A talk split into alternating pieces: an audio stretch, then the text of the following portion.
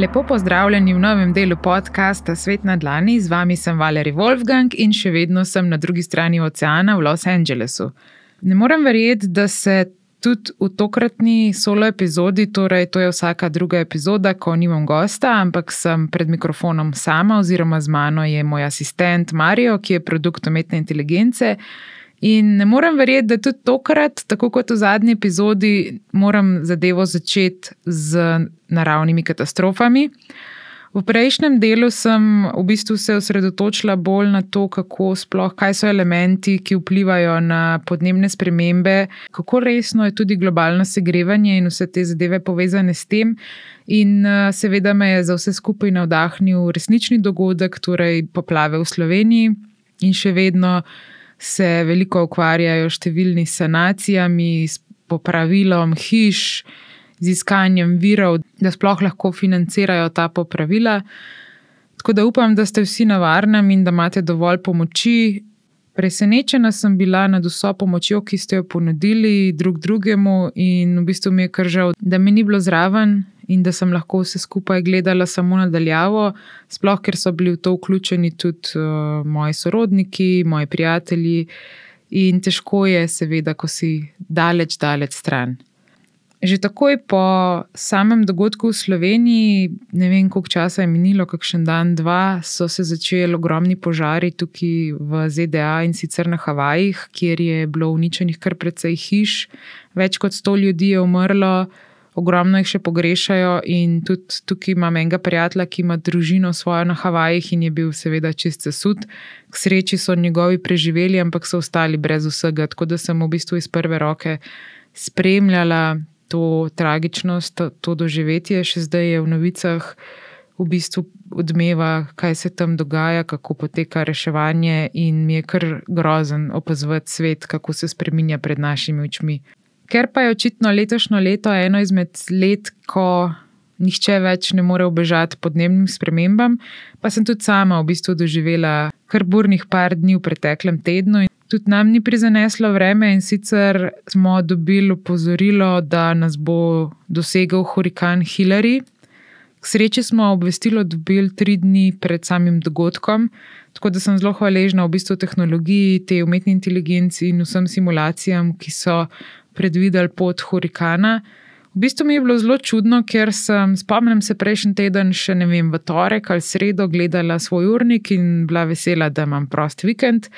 In sem si rezervirala, da bom šla s kajakom tukaj malo po Los Angelesu, ob obali. Želela sem si res tako lepo, sproščujočo nedeljo. Še s Cimrama sem se pogovarjala, da bomo predtem šli skupaj na neko kosilo in potem grem lepo na kajak, mogoče se mi pridružita, mogoče ne. Skratka, res tisti idealen plan za vikend. Mal mi je bilo nenavadno, ker v bistvu tukaj nikoli ne pogledam vremena, ker je vse čas isto vreme, ampak sem rekla, ok, glede na to, da bom na oceanu, je mogoče vsem smiselno pogledati vsaj vetrovi, če bojo močni. Ker se je že zgodilo, sicer niso bili precej močni, ampak ni mi prijetno, da me, ne vem, 40-50 na uro vetrovi eh, butajo med tem, ko veslam in sem rekla, ok, za vsak slučaj preverjam. In sem šla gledat, pa je tako mal kazal dežne kaplje za vikend. In meni ni bilo jasno, odkje zdaj te dežne kaplje, ker tukaj res ni dežval že, vem, že od februarja, marca in um, niti ni noben govoril, da bi bilo zdaj kakšno deževno obdobje. In sem vedela, da je to neka nenavadna, mogoče glič, neka napaka. In sem pustila, sem šla v službo, delala vse normalno. In potem se spomnim, da sem šla na fitness, ne vem, v četrtek, Uh, in so že neki omenjali neke hurikane. Tako prvo spomnim se, ko sem gledala v ekrane, ker v fitnesih so taki TV ekrani, na katerih se vrtijo različni kanali, pa kakšne novice, in vse je brez zvoka, samo pač slika. In običajno je vse čas piše za vsako stvar breaking news, tudi če je kot neka dramatična novica, čeprav je pogosto ta breaking news kar ena stvar. V bistvu sem že malo imuna na vse novice, ki jih vse čas vrtijo, vsake pet minut je neki breaking news. In nobena novica v resnici ni več tako dramatična na koncu, ker je vse dramatično. In potem se spomnim, da tako z kotičkom enega očesa sem videla na različnih televizijah to grafiko tornada oziroma nekega hurikana, orkana iz uh, radarske slike. Ampak nisem dala pretirane pozornosti na to, ker sem vajena vseh teh poročanj in tudi poročajo z različnih koncev sveta. In sem si rekla, ojoj, spet bojo nekje bogi, tako kot vedno, ko gledam te razne napovedi o hurikanih. Ampak potem, malo kasneje, ko sem še malo pošpegala po teh televizijah, se mi zdelo, da se omenja Los Angeles, ampak tako nisem nekako zavestila te povezave med hurikanom in pač dejstvo, da sem jaz tukaj na mestu, kamor naj bi udaril ta hurikan. In potem sem končno povezala točke med sabo in dojela, da poročajo o tem, da, na, da se bliža hurikan in da nas bo verjetno zadev čez tri dni. In iskreno moram priznati, da sem bila kar mal brez besed, oziroma nisem vedela, kaj naj s to informacijo, ker najprej sem pač pomislila na to, da mogoče je to nek hec ali pa pač, da zadeva ni tako resna. Potem sem pa začela, ko sem šla domov, sem opazila, da so velike vrste pred trgovinami in da se vsi pač neki tako živčno premikajo in da so tukaj sploh te avtomobili, pick-upi, torej te teren, večja terenska vozila, ki imajo v zadnji tak odprt prtlažnik velik, da imajo vsi neke pakete vode in da pač nabirajo stvari za primer, da pride hurikan. In se mi to že malo zazdelo nenavadno, potem pa sploh, ko sem prišla do doma, sem pa videla, da je sosed začel na okna nabijati uh, deske. Takrat sem pa v bistvu ugotovila, da je pa stvar totalno resna in da očitno bom tudi sama to doživela. Um, šla sem takoj noter v hišo, noter sta bila cimra, s katerima živim, in nista niti vedela za hurikan, ker sta malenkost mlajša in sploh ne gledata nikoli televizije in ne spremljata novic. Potem sem jih vprašala, um, pač, kakšen je plan, oziroma če so imeli že kakšne te hurikane, kaj so naredili. In sta rekla iskreno, da prav v Los Angelesu še ni bilo takega hurikana in da v resnici tudi sama ne veste, kaj točno je treba narediti. No, in potem sem rekla, da ja, verjetno, če bo zmanjkalo elektrike, glede na to, da februarja je dežval več kot par dni skupaj, recimo en teden je dežval in je se spomnim, zmanjkalo že zaradi tega elektrike, ker je zelil tukaj njihove električne omarce in smo bili dva dni brez elektrike. In se spomnim, da je bila v bistvu kar panika, ker če ti v bistvu crkne hladilnik, skrinja in vse stvari za ohranjevanje hrane, že to je problem, potem pa tudi pač kontakti, internet, um, delo, nadaljavo in te zadeve. Tako da sem rekla, ok, verjetno, če bo hurikan, bo stvar še hujša, zna biti, da bomo ostali več dni brez elektrike. In ja, potem smo se malo pozanimali okrog in so rekli, če bo se zgodil ta scenarij, ki ga predvidevajo, bomo vsaj dva tedna brez elektrike. Poleg tega pa smo morali kar hitro akcijo in začeti postavljati razne zadeve, recimo vreče, protipoplavne vreče so talali. Mesto je poskrbelo, no, da smo vsi dobili te vreče in uh, nabrali smo si konzervirane hrane, vode, um, nekih prvih pomoči, astrofolije in podobno. In res pač smo se primerno pripravili. Meni se je čas tako vlekel, ker v petek smo se začeli pripravljati, v nedeljo je bil pa planiran hurikan. In moram priznati, da te tri dni se, se mi zdel, da je minil tri tedne, pač vsaka ura odštevanja in spremljanja tega radarja je bila kar grozna. Sploh, ker so potem začeli. Um, po, ker so začeli govoriti, da se hurikan veter jača. Bilo je že več kot 230 km/h, in jasen mi je bilo, da v takih primerih, če bo to prišlo do nas, naša hiša ne bo zdržala in po mojem tudi mesto ne, ker dejstvo je, da so tukaj hiše v Kaliforniji veliko slabše grajene kot naprimer v Sloveniji, kjer načeloma hiše zidamo, tudi montažne hiše so veliko bolj kvalitetne, tukaj pa je večina hiš, ja, montažnih, kar pač imam izkušnje in kjerkoli sem bila tako v notranjosti, sem hitro ugotovila, da so materijali kr, krhki, sliši se res vse. Jaz točno, ko ima ta recimo cimra obiske. Dobesedno sem del njihovega pogovora, tudi če sem v svoji sobi, ker res to se tako sliši, čisto vsaka stvar, če sta ta nek les. In tudi vem, strešne kritine so zelo preproste. Um, v bistvu zgleda hiša kar dobro grajena, ker je lepo zamazana. In uh, se mi zdi, da Kalifornijci veliko dajo na to, kako zgleda. Tudi vrtnarje, ne vem, na dva dni pride in ureja vse. um, živo mejo, palme, kaktuse. Skratka, vse zelo lepo zgleda, ampak ko pa prideš bližje, pa ne vem, če potrkaš po materialih, pa ugotoviš, da je vse votlo in precej krhko. Tako da tudi um, se spomnim, ko sem kolo nosila v svojo sobo, ker je bila tudi ena neprijetna situacija, da smo mislili, da nam bojo vlomili hišo in sem pač hitro vzela kolo iz garaže, ker imam pač tako dirkalno kolo, ki ne želim, da ga kdo ukrade.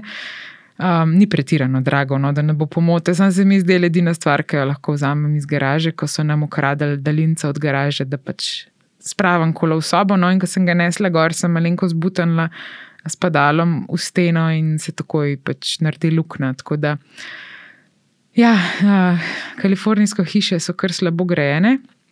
In vedela sem, da ko se je bližal hurikan, da če nas doseže, ne bomo v bistvu. V bistvu nisem vedela, kaj narediti, ker tudi ko smo sprašvali tako okrog malo sosede, pa potem tudi šerifa in ostale, ki so okrog nosili vreče, kaj v bistvu narediti v primeru evakuacije, ker sem tudi dobila sporočilo in e-mail od ambasade in še od parih drugih organizacij, da imamo vse spakirano, ker bomo mogoče morali se evakuirati. In v bistvu potem nikjer pa niso napisali, kam naj bi se evakuirali in kako naj bi to izgledali. In ko smo vprašali konkretno, kaj to pomeni, kam naj bi šli, mislim, kako sploh bo to potekalo, so v resnici rekli vsi, da če bo najhujše zgodil, torej da bo zadel Los Angeles jedro hurikana, da v bistvu tudi oni ne vejo, no, ne vem kako naj povem, ampak skratka, bili so krtko mal brez odgovora, rekli so, če bi pač v tistem primeru vsi šli na ceste, bi se ceste čist zabile, ker že tako čez dan, kljub temu, da so ljudje odpravljajo doma ob različnih urah so ceste čist zabite. In v bistvu sem vesela, da nisem z avtomobilom v tem prometu, ker recimo, če ti Google Maps pokaže razdaljo, mogoče tako v teoriji, ne, imaš do neke točke 15 minut. Ampak, če greš gledati konkretno uro ali pa v živo stanje, je velikrat teh 15 minut lahko dve uri. Tako da situacija v prometu je res slaba, in če bi želeli toliko milijonov ljudi evakuirati naenkrat, ne bi šlo, bi morali res začeti že v bistvu v petek nas evakuirati in postopoma, ampak niso, ker so pač želeli in upali, da ne bo tako hudo, kot so predvidevali. No, in potem je, je prišla sobota, res se je um, nebo. Petek je bil v bistvu še čisto sončen, in ko smo pač dobili obvestilo, da se pripravimo, so se vsi kar hecali iz tega in rekli, da je v bistvu nek hec, ker je bilo res smešen, da smo na 30 stopinjah v soncu kupovali zaloge vode in na račun tega, da nas v bistvu je strah, da nas bo odplaknil hurikan odplaknil in odpihnil. No, ampak potem je pa prišla sobota in je res ne bo postalo čisto temno, v bistvu je že nek rob hurikana že dosegel Kalifornijo in je že začel mal pihati. Tako da mislim, da v soboto so vsi to bolj resno vzeli in se lotili uh, priprav na hurikan. Ko je pa prišla nedelja, je pa v bistvu k sreči. K sreči, no, zdaj bom tako malo hudobno rekla, je pa hurikan že v Mehiki se ustavil in tam naredil nekaj škode, K sreči se je že nad morjem malenkost umiril, vsaj vetrovno, čeprav je bilo kar problem, ker je imel veliko vode v sebi. In ko nas je v nedeljo, že zjutraj, mislim, da v petih, eh, dosegel rob tega hurikana, je začel dežvati, in hitro so se ulice napolnile z vodo, in je potem ja, do poznih jutranjih ur drugi dan dežvalo, in so res so bile poplave, tudi nam v garažo je malo vode preteklo, čeprav smo se pripravili na to, da bo, bodo poplave. Tudi mesto je odmašilo vse otoke in so poskrbeli za dobro odtakanje. Ampak ja, velik del mesta je zalila voda. Potem drug dan je kar veliko gospodinstv bilo brez elektrike. Mi k sreči nismo ostali brez elektrike, tako da sem bila kar vesela, da sem se lahko slišala z vsemi, da ni interneta ven vrglo in teh zadev. Um, je pa pač malo vplivalo na vse skupaj in tudi danes, recimo, ko sem se vozila zdaj le do, sem do studia, sem, ker se vozim z motorjem, v bistvu mogla biti kar pozorna, ker je na cesti kar precej stvari še vedno. Tako da se prav spomnim dva ovinka pred ciljem, da sem skoraj naletela na eno palmo, delno, ki je še vedno na cesti in jo je pač sem šla po drugi poti in nisem pričakovala in sem bila malce zamišljena. In sem skoraj zapeljala gor na Palmo, tako da sem vesela, da sem jo uspela obvoziti, da sem bila pozorna vse in da sem hitro reagirala. Tako da mesto bo rablo še par dni, da se sčisti, k sreči pa je. Vsaj vetra ni bilo takega, kot je bil planiran, tako da nas ni odneslo, ampak samo zalilo. In sem zelo vesela, no, da ni prišlo še do česa hujšega, ker v resnici tudi sama nisem vedela, kaj naj. Moj plan je bil, da v primeru, če bi res te vetrovi prišli, bi šla v kopalnico, ki je edina soba v hiši brez oken in banja je, tako da bi šla v banjo in bi se pokrila. Upam, da je to v redu ideja, sicer pa ne vem v resnici, kaj bi naredila.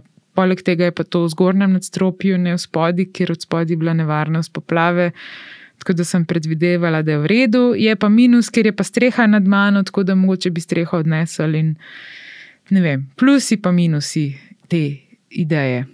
Tako da očitno so te solo epizode namenjene komentarju o trenutnih razmerah v svetu, v podnebju, in upam, da bo tehnologija res ena izmed tistih borg v prihodnosti, ki nam bo pomagala, da mogoče najdemo načine, kako iz te krize, kako iz te zagate, bom rekla, ki smo si jo sami naredili.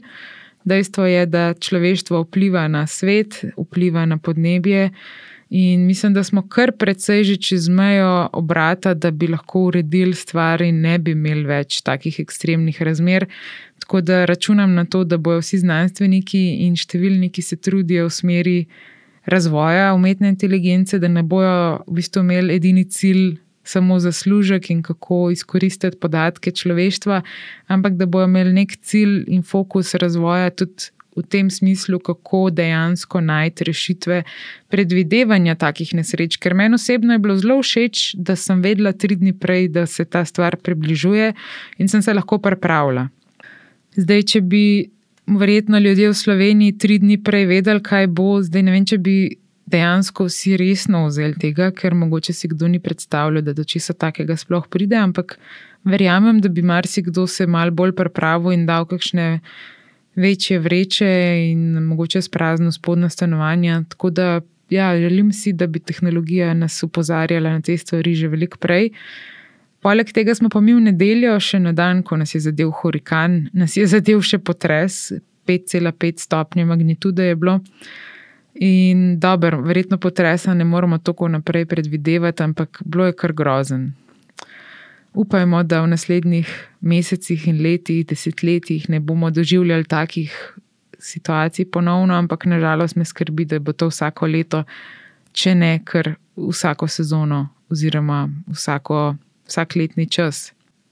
Kar se tiče letnih časov, mi je v resnici všeč tukaj v Kaliforniji, da ni letnih časov, da je vreme vse čas isto, razen ta hurikan, ki je bil tako mal, kako se reče, izven povprečja. In mi je na nek način všeč, da mi ni treba preveč razmišljati o vremenu, ker je vse čas lepo vreme, v bistvu ne rabiš se preveč pripravljati na nič, kratki rokavi in gas.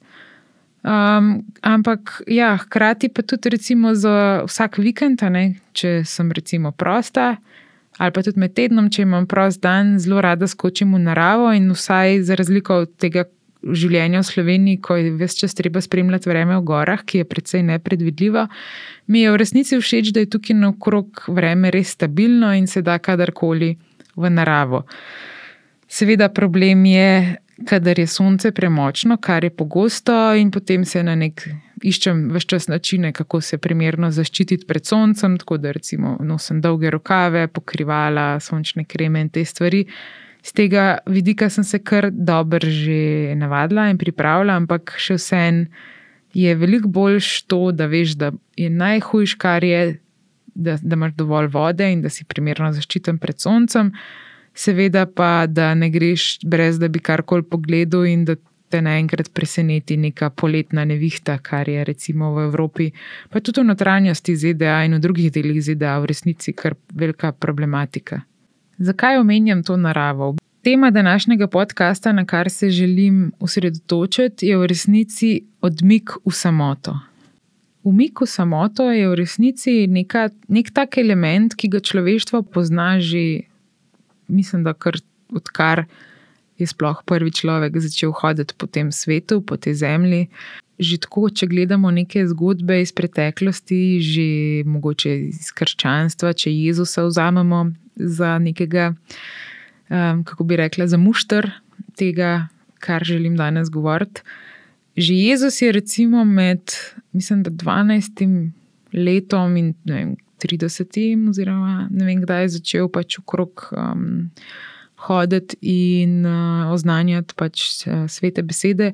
V tem obdobju, mislim, da se temu reče Jezusova tiha leta ali nekaj tasga, ne vem, malo sem že pozabila, ampak v tem obdobju ni veliko znanega o Jezusu, so pa našli, so številne, seveda, teorije, ampak načeloma je takrat v tem obdobju Jezus hodil naokrog, tudi v Indiji naj bi bil, ne vem, zdaj, koliko je res to dokazano, koliko je pa samo neka govorica, no, ampak bil je naokrog, ker je v bistvu odkrival svet, raziskoval kulture in tako kot številni drugi misleci, oziroma ljudje, ki želijo najti nekaj več v življenju, se mi pogosto zdi, ko opažam nek vzorec skozi zgodovino, da so vsi ljudje na nek način, da bi dosegli neko višjo stopnjo zavedanja ali pa sploh. Um, Našli neko esenco bivanja, da so pogosto se zatekli v samoto, oziroma stran od človeštva zakaj je mogoče dobro, da je to neka praksa, ki mogoče vsak kdaj v življenju naredi. Za začetek ja, je najbolj očitno to, da odstranimo motne. Če smo brez stalnih prekinitev in motenj, ki jih prinaša sodobno življenje, se lahko bolj osredotočimo na svoje misli in ideje. To lahko pripelje do recimo globjega razumevanja problema nekega, če imamo, ali pa koncepta, s katerim se ukvarjamo. Jaz mislim, da je to zelo problematično, sploh v zadnjih desetletjih, ko smo v obdobju še na začetku televizije, pa zdaj pač vseh socialnih medijev, interneta. Smo res konstantno upeti v neka dogajanja, odprta imamo neka, neke pogovore, ki sploh še niso dokončani, mogoče smo sredi pogovorov, um, mogoče pričakujemo neke pogovore, e-maile. Recimo, jaz pričakujem en e-mail za današnji sestanek, ki sledi, pa ne vem čistočno, ali bo uh, takoj po podkastu, ali imam potem še pauzo. Skratka, vse čas smo v nekih pričakovanjih, um, distrakcije so na različnih ekranih, kljub temu, da recimo, kdaj pozavem telefon doma in grem ven in si rečem, ok, pač sem brez telefona, me pa motijo. Pač vsi ljudje, ki so okrog, tukaj sploh v tem večjem mestu, ljudje kričijo, te motijo, sprašujejo za denar, za ne vem, želijo ti v bistvu prodati kakšno stvar. Pogosto do mene kdo stopi in mi začne govoriti o, ne vem, me prepričuje v krščanstvo ali pa v kakšno drugo vero, scientologijo in te zadeve. Skratka, vseh sort srečaš in v resnici, ko padem, recimo, sama v neko razmišljanje, v nek flow, bi lahko rekla, o določenem projektu, me vse čas bombardirajo neke stvari, če sem v mestu, ali pa svoj lasten mobitel in eh, računalnik. Tako da v bistvu je kar težko biti sam s sabo v takih velikih mestih, dobro, tudi v manjših mestih. In sem ugotovila, da je razlog, zakaj to krada, sploh za vikend, ko, sem, ko imam več prostega časa, zakaj to krada, gremo v naravo. Je v bistvu predvsem zato, da sem stran od vseh teh motenj in da se končno lahko osredotočam na svojo domišljijo, da v bistvu obnovim energijo in da sploh po dolgem času dobim neko tišino, kljub temu, da okrog mene, ne vem, tukaj v Kaliforniji je trenutno veliko papig, ki se derajo, pa drugi ptiči, pa kakšni orli, škržati, črički, vseh sort žuželk in vetrov tudi dosta ljudi se sreča, odvisno po kateri poti grem, ampak lahko diham, lahko se povežem z naravo, dobim neko kreativnost, inspiracijo in sploh razmišljam. Pa ni treba razmišljati zdaj, kaj je bistvo življenja, recimo, če me, bi me to zanimalo, pa nekaj najglobje. Misli v smislu, da neskončnost obstaja in te zadeve, ampak čisto že da malo pomislim nazaj, kaj se mi je zgodilo v preteklem tednu ali pa kaj bom delala v drugem tednu, mi je v resnici super, če lahko imam čas in prostor, da o tem razmišljam. Ker ja, se tudi čez teden, ko sem polna distrakcij, razmišljam o teh stvarih, ampak se mi skozi zdi, da ne dokončam nobene misli, ker sem pogosto več prekinjena. Marijo, kako bi pa ti komentiral ta umik v samoto in vpliv na kreativnost? Mi lahko morda poveš več o tem fenomenu? Umik v samoto je praksa, v kateri posameznik namerno išče osamljenost in tišino, da bi se poglobil vase in raziskal svoje misli in čustva. Ta praksa ima globoko zgodovino v mnogih kulturah in filozofskih tradicijah, kjer se pogosto uporablja kot sredstvo za duhovno rast in samospoznavanje.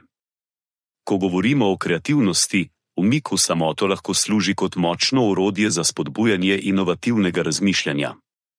V sodobnem svetu, kjer smo nenehno bombardirani z informacijami in dražljaji, se lahko umik v tišino in osamljenost izkaže za osvežujoč in poživljajoč. Tukaj je nekaj načinov, kako lahko umik v samoto vpliva na kreativnost. Odstranitev moten, brez stalnih prekinitev in moten, ki jih prinaša sodobno življenje, se lahko posameznik bolj osredotoči na svoje misli in ideje. To lahko pripelje do globljega razumevanja problema ali koncepta, s katerim se ukvarja. Povečanje introspekcije, samota omogoča čas za razmislek o lastnih občutkih, prepričanjih in urednotah. To lahko pripomore k bolj avtentičnemu in osebnemu izrazu v kreativnem delu. Spodbujanje domišljije v osamljenosti lahko posameznik prosto raziskuje svojo domišljijo brez zunanjih vplivov ali sodbe drugih. To lahko vodi do edinstvenih in inovativnih idej, ki morda ne bi bile odkrite v bolj hrupnem in zasedenem okolju. Povezava z naravo. Če v samoto vključuje bivanje v naravi, lahko ta povezava z naravnim svetom služi kot inspiracija in vir kreativne energije. Mnogi umetniki in misleci so našli navdih v lepoti in kompleksnosti narave. Obnova energije. Samota lahko služi tudi kot čas za počitek in obnovo, kar je ključnega pomena za ohranjanje kreativne energije. Preveč stresa in izčrpanosti lahko zatre kreativnost, zato je čas za sprostitev in obnovo lahko bistven za ohranjanje kreativnega duha. Skupno gledano, umik v samoto ni le način za pobeg od zunanjega sveta, ampak tudi priložnost za poglobitev v notranji svet, kjer lahko kreativnost cveti. Ta praksa lahko služi kot dragoceno orodje za vsakogar, ki želi raziskati in razvijati svojo kreativno plat, ne glede na to, ali je umetnik, pisatelj, znanstvenik ali poslovnež. Zelo mi je všeč, da si povedal, da je ta umik v samoto, da lahko služi vsakemu, ne glede na področje delovanja, sploh recimo. Pogosto se mi zdi, da se ta umik v samoto povezuje samo s filozofi ali pa umetniki, ampak tudi znanstveniki, poslovneži in številni drugi ljudje lahko v samoti najdejo svoj prostor. Zanimivo mi je to, da v bistvu samota nam daje prostor za naše misli in da lahko v tem prostoru, tem prostoru brez distrakcij, v resnici sploh najdemo odgovore na številne probleme, ki nas recimo pestijo. Kdo pa so mogoče neke mislici v preteklosti, ki so prakticirali tak način odmika? Mi mogoče lahko poveš par imen. Mnogi znani mislici, Umetniki in pisatelji so se zatekli k praksi umika v samoto, da bi spodbudili svojo kreativnost ali duhovno rast. Tukaj je nekaj izjemnih osebnosti, ki so znane po tej praksi. Henry David Thoreau, ameriški pisatelj in filozof, ki je najbolj znan po svojem delu Evolden, v katerem opisuje dve leti, ki jih je preživel v koči ob jezeru Walden. Njegov umik v naravo je bil poskus življenja preprosto in v skladu z naravo, kar je vplivalo na njegovo pisanje in filozofijo. Virginia Woolf, ta znana britanska pisateljica, je v svojem eseju Jarum of Honest Own poudarila potrebo po zasebnem prostoru za ženske, da bi lahko razvile svojo kreativnost. Woolf je pogosto iskala samoto za svoje pisanje in razmišljanje. Friedrich Nietzsche, nemški filozof, ki je veliko svojega časa preživel v osamljenosti v švicarskih Alpah. Njegov čas v samoti je močno vplival na njegovo filozofsko razmišljanje in pisanje. Maja Angelou, ameriška pesnica in pisateljica, ki je bila znana po tem, da je najela hotelsko sobo, kjer je pisala v samoti. Ta praksa ji je omogočila, da se je osredotočila na svoje delo brez moten. Leonardo da Vinci, eden največjih umov v zgodovini, Da Vinci je bil znan po svoji nenehni radovednosti in eksperimentiranju. Njegovi zapiski kažejo, da je cenil čas v samoti, kjer je lahko razmišljal in razvijal svoje ideje. Emil Dickinson, ta ameriška pesnica, je bila znana po svoji izbiri življenja v samoti. Večino svojega življenja je preživela v domači hiši, kjer je pisala svojo poezijo, ki je še danes cenjena. Thomas Merton, ameriški menih in pisatelj, ki je živel v samostanu in je bil znan po svojih delih o kontemplaciji in duhovnosti. Njegov čas v samoti je bil ključnega pomena za njegovo duhovno prakso in pisanje. Mary Oliver, sodobna ameriška pesnica, ki je bila znana po svoji ljubezni do narave in pogostem umiku v samoto. Njena poezija je pogosto odražala njeno povezanost z naravo in notranjim svetom. Ti misleci in umetniki predstavljajo širok spektr disciplin in obdobij, vendar jih združuje skupna praksa iskanja samote kot sredstva za poglobitev njihovega razumevanja sveta in samih sebe. Njihova dela in življenja so dokaz, da lahko umik v samoto služi kot močno orodje za kreativno in duhovno rast. Jaz sem še v času, ko sem v bistvu študirala medijske umetnosti in prakse, v času magisterija, sem v resnici kar velik del magisterija posvetila ravno temu umiku. Sicer jaz temu nisem rekla umiku samoto, ampak sem analizirala, kako področje delovanja na umetniških rezidencah v resnici vpliva na proces umetniške ustvarjalnosti. In to sem črpala v resnici iz svoje umetniške prakse, ker sem sama v zadnjih, kako bi rekla, mislim, da kar enih več kot deset let, zadnjih 15 let že skoraj ne, da pretiravam, 12 pa res. Zadnjih 12 let v resnici prakticiram ta način dela, dela na, preko programa umetniških rezidenc. To so posebni programi, kamor se lahko prijavijo delavci v kulturi, oziroma vsi, ki delajo na področju kulture oziroma avtorskega ustvarjanja.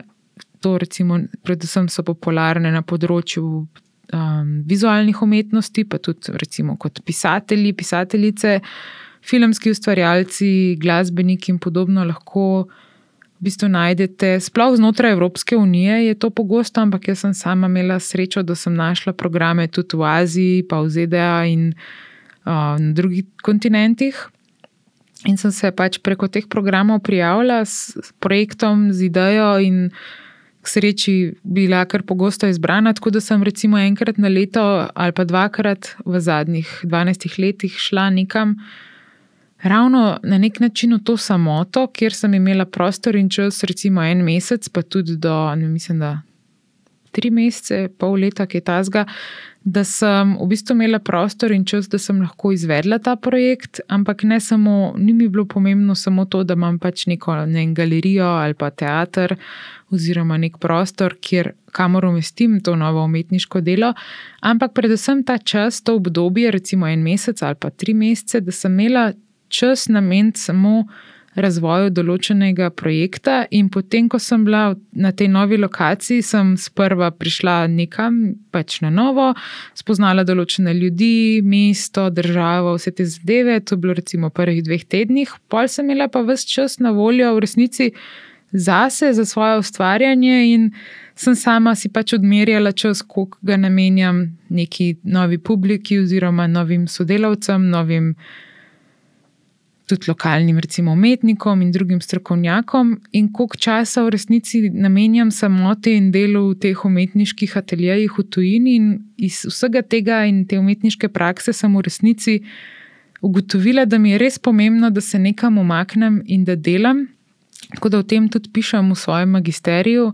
Sem pač, ko sem uh, se osredotočala predvsem na to, sem ugotovila tudi neke povezave z avtorji iz preteklosti kako so res te umiki, sploh še v času pred internetom, recimo, pomembno vplivali na. Jaz sem se osredotočila na umetniški razvoj neke številnih umetniških praks, ampak zdaj, ko razmišljam in tudi poznaje, ko sem srečala kakšne druge avtorje ali pa znanstvenike, sem ugotovila, da vsak rab ta umik v samoto, bi lahko temu rekla, ki da nek čas za refleksijo, za razvoj ideje in v bistvu fokus, ki nastane mogoče v nekih primerjih tudi iz dolg časa, ker če gremo ven iz vsakdanje rutine, pademo v nek prazen prostor, ko imamo kar naenkrat ogromno časa.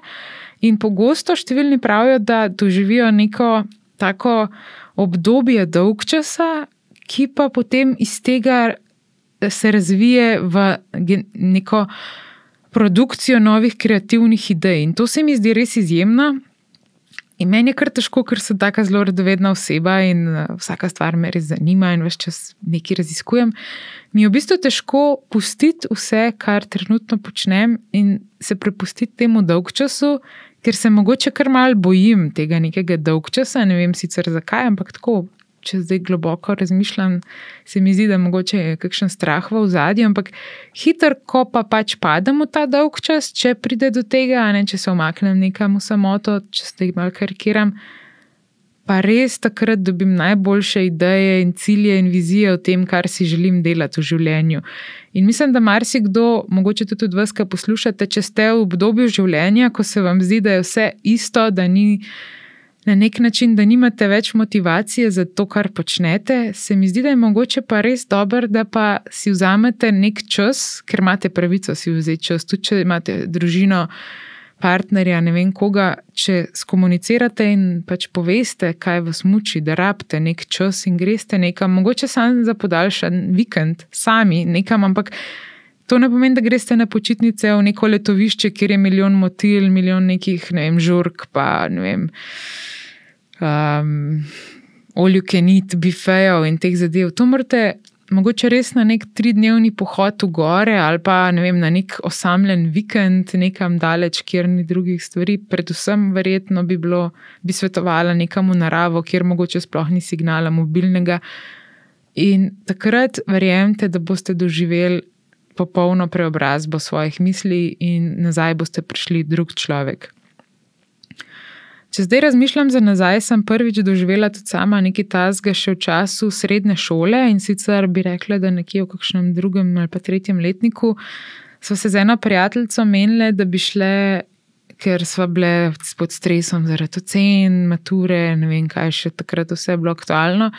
Da bova šle na nek vikend, ne spomnim se na nekem hribu, kjer je res bilo sredi ničesar ki je bila zelo popularna smočarska destinacija, ampak bilo je sred pomladi ali poletja, ko tam ni bilo še aktivno smočišče, in so že vse rezervirale in se veselile, da greva tja in se tudi malo podružva, ker so bile res najboljše prijateljice, zdaj že, že uživa čist na drugem svetu, na svetu, na drugem koncu sveta in sva bolj malo v stikih, no, ampak um, takrat sva imela res tako.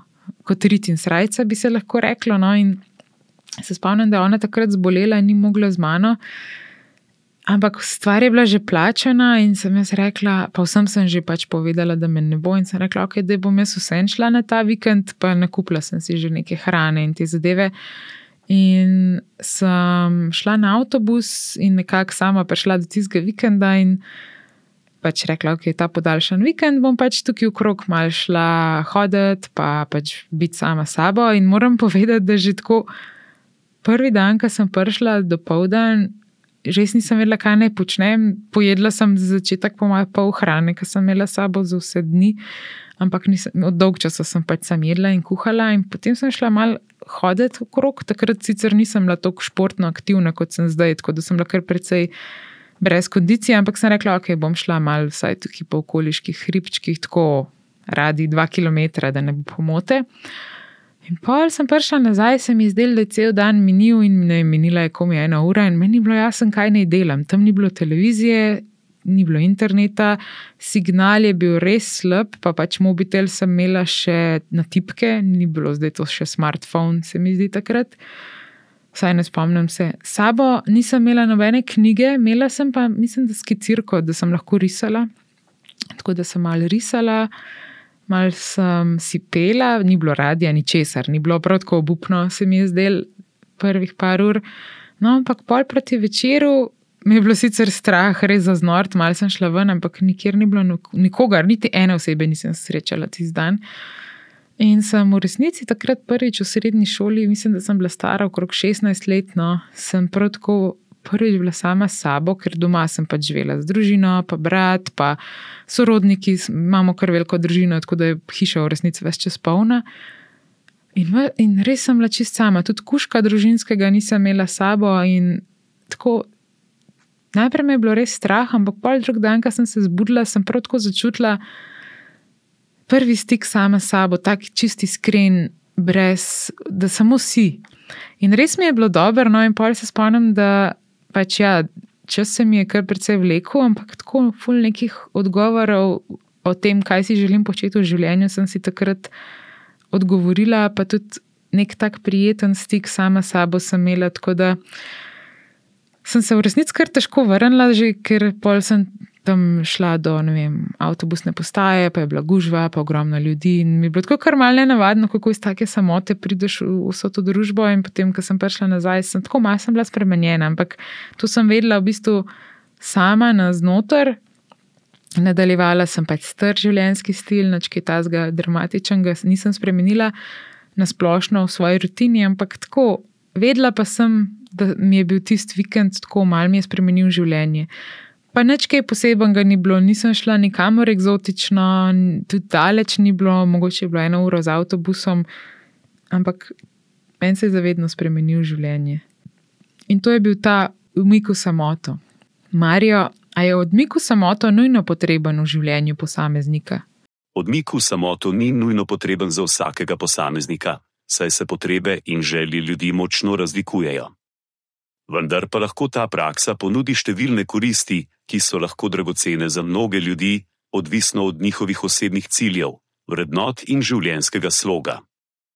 Za nekatere je samota čas za razmislek, introspekcijo in osebno rast. To je lahko priložnost za prekinitev vsakodnevnih rutin in stresa, ki omogoča posamezniku, da se poglobi vase in razmisli o svojih ciljih, vrednotah in smeri v življenju. Za kreativne ljudi, kot so umetniki, pisatelji in misleci, je lahko samota ključna za razvoj in raziskovanje novih idej. Vendar pa samota ni za vsakogar. Nekateri ljudje se v samoti počutijo osamljeni ali nelagodno, in za njih je lahko bolj koristno iskanje podpore in družbe drugih. Poleg tega nekateri ljudje morda ne čutijo potrebe po samoti za doseganje svojih osebnih ali profesionalnih ciljev. Pomembno je tudi omeniti, da samota ne pomeni nujno popolne izolacije od drugih. Lahko je preprosto čas preživeti sam s seboj, ne glede na to, ali je to nekaj ur na teden ali daljše obdobje. Nekateri ljudje lahko najdejo ravnovesje med časom, preživetim sami, in časom v družbi drugih, kar jim omogoča, da uživajo v koristih obeh izkušenj. Na koncu je odločitev za umik v samoto zelo osebna in odvisna od posameznikovih potreb, interesov in življenjskih okoliščin. Medtem ko to ni nujno potrebno za vsakogar, je lahko za nekatere dragocena praksa, ki lahko obogati njihovo življenje na različne načine. Ja, tako kot si povedal, meni se tudi zdi, da verjetno ni to nujno v življenju vsakega človeka, zdi se mi pa zelo pozitivno, sploh za nekoga, ki je mogoče ujet v neki misli, da je konc vsega, da nima več moči nad lastnim odločanjem in da ga življenje vodi na mesto, da bi on vodil življenje. Zdaj, ko govorim on in vse v moški obliki, v resnici to govorim za vse spole, tako da bom pač v nadaljevanju, ko bom govorila v moški obliki, mislim res na vse ljudi na tem svetu. Zdi se mi, da bi ja, umiku samoto svetovala vsem, res, ki se počutijo ujete, kot sem že omenila. Lahko je to zelo dragocena izkušnja, seveda je pa lahko tudi grozna za nekoga, ki mogoče nima razčiščenih vseh zadev iz preteklosti, kar pa ni nujno slabo. Se tudi, če doživimo neko neprijetno izkušnjo s tem, ko smo sami v samoti, sami s sabo, je v resnici lahko dobro odkritje, da imamo neko stvar, neko prtljago, če lahko rečem malo metaforično, ki je dobro, da bi jo mal delali na tem, da bi v bistvu ugotovili vzroke in se soočali sami s sabo, ker konec koncev sami smo na tem svetu, omejen čas imamo in je super, da mogoče se spoznamo sami sebe in ravno ta samota, omiku samoto, stran od, vsem, od vseh obvestil, od vseh notifikacijev, od konstantnega pritiska družbe se mi zdi, da končno smo lahko taki, kot smo, in tudi sama rada prakticiram redno, da grem recimo z družbo v hribe ali pa v naravo, redno pa tudi, da grem sama. Tako da nočem biti več čas v družbi, ko grem v naravo, rada grem pogosto tudi sama. In zdi se mi, da vsakič pridem napolnjena z novo energijo in najdem odgovore na vse težave in probleme, ki jih imam še neraščiščene. Živimo na enem planetu, ki je v resnici kar ogromen. Če tako pomislim, mislim, odvisno, kako za koga. Jaz, recimo, ko veliko potujem, vem, da Dolžina in razdalja nista v resnici nobena ovira, lahko gremo, kadar želimo, če imamo možnost, ali pa če si neki zadamo, nek cilj, bomo že prišli do točke, ko bomo lahko šli na določene koordinate na tem planetu, pač bomo že našli pot, ne glede na finančno stanje. Ampak tako mi je fascinantno, da kljub temu, da je ta svet ogromen ali pa mehen, no, kako koli ga vzameš, da se pa te stvari pojavljajo. Pa res po vseh celinah, po večini držav, da, da v bistvu ljudje smo globoko v sebi res enaki. Oziroma, lahko bi rekli, da smo si zelo podobni. Marijo, kateri narodi pa so tako najbolj znani, mogoče po umiku v samoto?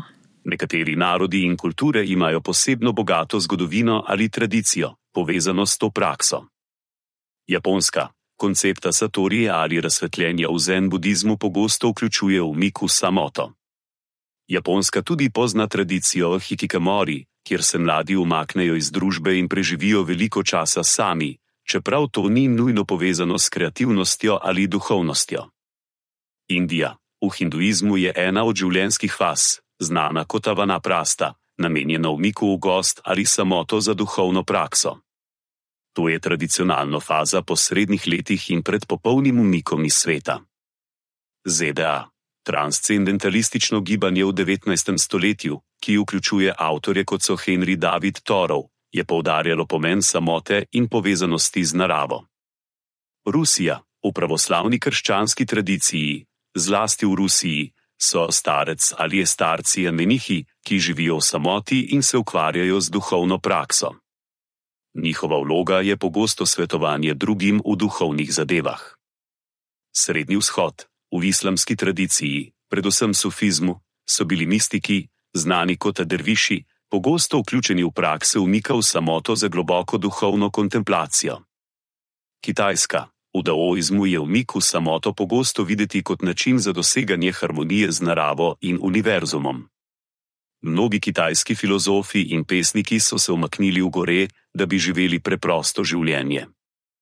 Evropske monaške tradicije, V krščanskih tradicijah, kot so benediktinci, kartuzijanci in trapisti, je umik v samoto in tišino ključni del monaškega življenja.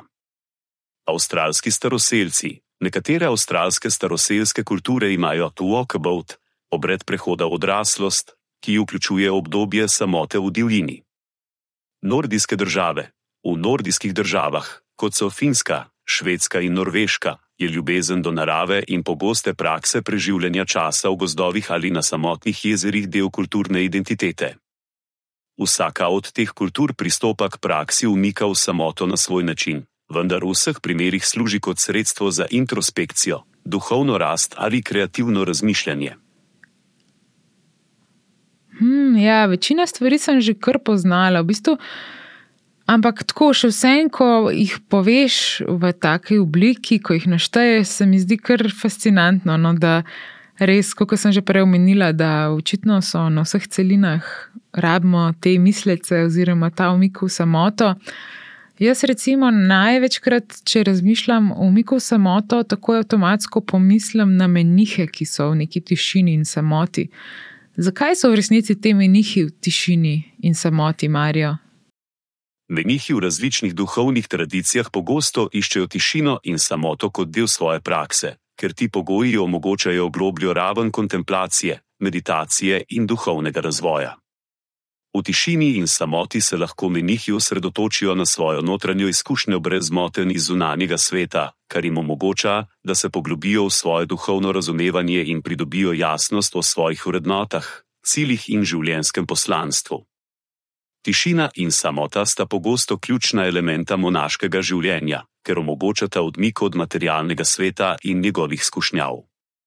V mnogih tradicijah, kot so budizem, krščanstvo in hinduizem, je meniško življenje zasnovano tako, da spodbuja odrekanje in preprostost. Tišina in samota sta orodji, ki menihom pomagata ohranjati to preprostost in se osredotočiti na duhovne prakse, kot so molitev, meditacija in študij svetih besedil. Poleg tega tišina in samota omogočata menihom, da razvijajo globlje sočutje in razumevanje, ne samo do sebe, ampak tudi do drugih. V odsotnosti zunanjih držljajev in socialnih interakcij lahko menihi bolje poslušajo svojo notranjo modrost in razvijajo sposobnost za empatijo in sočutje. V nekaterih primerjih menihi vodijo tudi skupinske meditacije ali molitve v tišini, kar omogoča skupnosti, da deli v duhovni praksi in razvija kolektivno zavest. Ta praksa lahko poveča občutek povezanosti in skupnosti med menihi, tudi če fizično preživljajo čas v samoti.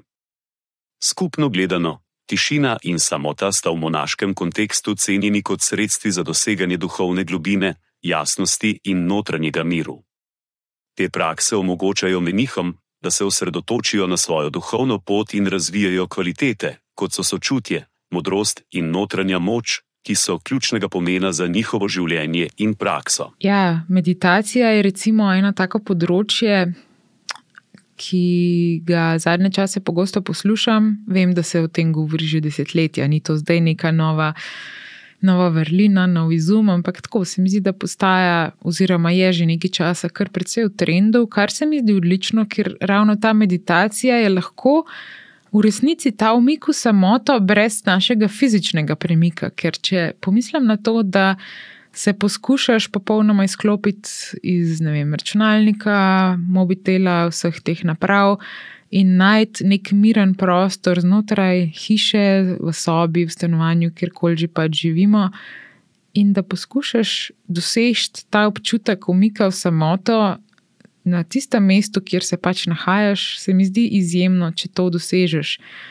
Zdaj jaz vem zase, da sem kar precej, kako bi rekla,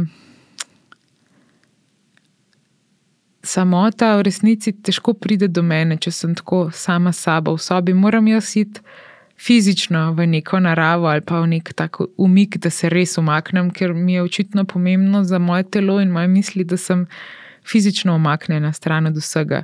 Lahko se seveda prepričam in dam tudi v sobi na postli v neko pozicijo umika v samoto, ampak zdi se mi pa super, no, da sem saj toliko iskrena do sebe, da vem, da rabim tudi fizičen ta premik.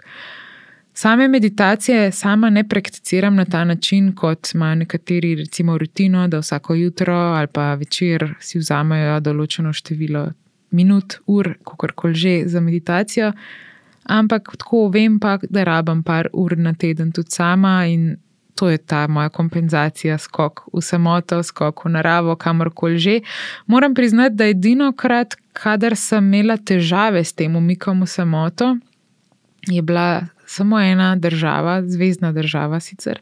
In to je bil New York. Bila sem v New Yorku par mesecev, uh, v Brooklynu in na Manhattnu, kar je zelo, zelo kako bi rekla, koncentrirano območje, tam ni tako lahko skočiti v naravo kot tukaj v Los Angelesu, ko se odpelješ do bližnjih hribov. Um, tako da sem pa tudi v New Yorku našla način in našla sem vlak, ki vozi ven iz uh, tistega območja na sever države New York, kjer ne spomnim se, kako je bil že naslov, naslov ime tistega hriba in področja, ne vem, je bil. Big Bull ali Big Bear, ne Big Bear je tukaj v Kaliforniji. Skratka, no, nekam mi je vseeno uspel priti z vlakom, sicer sem se vozila skoraj dve uri, ampak se prav spomnim, da po ne vem, skoraj enem mesecu, ko sem mislila, da ne rabim tega odklopa in skoka v naravo, da sem lahko več čas v mestu. Se pa prav spomnim tistega dneva, ko sem šla tam na nek hrib, ni to zdaj neka gora, ampak tako pač nek hribček, ne, varianta Golovec, Šmarna gora, mogoče malo večji, vseeno. Da sem pa prišla nazaj v mesto, v New York, prav tako, kot da bi trojne baterije dodal in še zamenjal, res prav noro, kako me je ta pot. Pa čeprav sem porabila kar velik čas, da sem prišla do tja in nazaj, ampak že ta skok za en dan nekam mi je tako dal, da si sploh ne predstavljam, da bi bila več čas zaprta v neko betonsko džunglo, ampak da rabim. Očitno sem taka mal, kako bi rekla, divja ženska. tako da ja, predlagam vsem, da pre, se preizkusite, če tudi če ste tako uh, v neki bolj ruralni. V ruralnem delu Slovenije, torej izven večjega mesta, pa če ste vse čas z ljudmi in vse čas z nekimi motili, dajte probat skočiti v neko samoto za par ur in biti res sami sabo in se posvetiti čistko, sami sebi. Mogoče se bo tam res čas ustavil in boste nazaj prišli drugačni, zakaj pa ne. To se mi zdi tako zanimivo. In vsem tem trenutnem dogajanju po svetu, ki je res soočen s političnimi pritiski, z naravnimi katastrofami, že z nekimi bližnjimi nesporazumi, recimo tukaj, včeraj je bilo masovno streljanje spet. Dokaj blizu mene, v nekem baru, so štiri ljudje umrli od streljanja, ker je mož ustrelil ženo, ki ga je želela zaposliti, jo je v bistvu ustrelil v obraz, pol je pa še pač par, začel krok streljati in je še par ljudi ustrelil. Skratka, no. Jaz, vsi smo šokirani, ker je to res dobesedno v sosednji ulici. No? In potem, ko se zavedeš, da so te stvari res hitre, da so lahko čez blizu tebe, wow, pa si res brez besed, da ne omenjam, kar sem doživela kdaj, ene tri dni nazaj na parkirišču, ko sem šla iz trgovine, je prišla do mene ena starejša gospa, zelo lepo oblečena. Jaz sem dajala nekaj stvari še v motor in um, je rekla, če se lahko, ko sem imela motor ravno parkiran, če bi se lahko usedla na moj motor, sam za minuto. In meni je bilo jasno, kaj bi ona zdaj na mojem motorju, a ne pač se imela samo gasnega ključe. Pospravljene, tako da me ni bilo strah, da bi zdaj vzela moj motor, ampak tako sem bila presenečena, da neka starejša gospa, tam 60 plus, želi na moj motor. Ne? In pa mi je začela razlagati, da je prodala, imela je neko vespo, da sta z možem zdaj to vespo prodala, pa še neke druge motorje sta imela.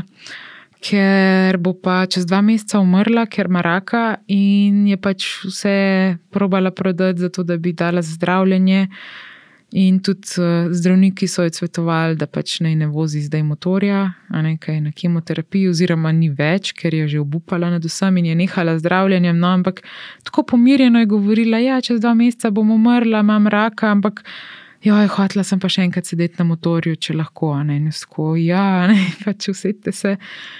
In se usedla res tako, minuto, dve, tišini, neki gledala moj motor, in pa je samo ustala, se zahvalila in mi samo rekla le prehiter lahko mine v živi, dokler lahko izkoristi vsako minuto dneva, ker pač lahko pa dobiš raka, pa te, pa te ni.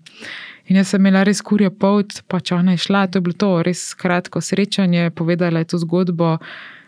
In ko sem gledala to žensko, in zdaj, ko imam pred očmi, mi je samo tako, kar kurjo pot imam, no, res noro. Pač en dan si, en dan te ni, in wow, v samoti mogoče lahko se potrpljamo po hrbtu in se rečemo, pismo, vse nam gre kar v redu, če ne zdaj, pa temu probati v naslednjih dneh.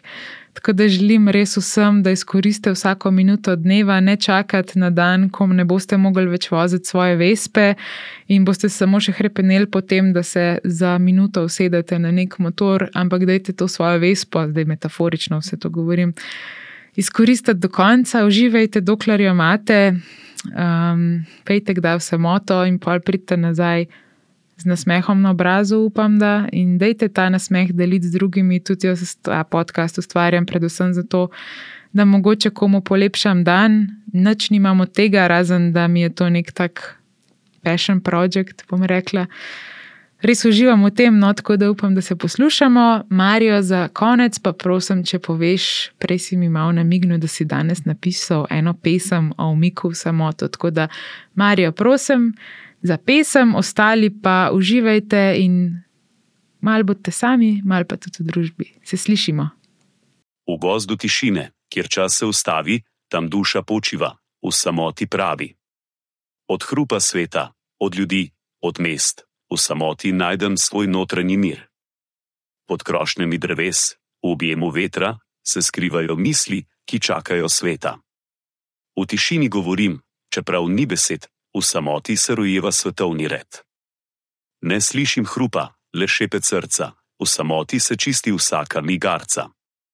V naročju tišine, kjer misel je prosta, se kreativnost rodi, v samoti je most. V umiku od sveta, kjer sam sem s seboj, odkrijem resnico, ki skrita je zdaj. V samoti se zrcali pravo bistvo, v tišini se rojeva nova umetniška misel.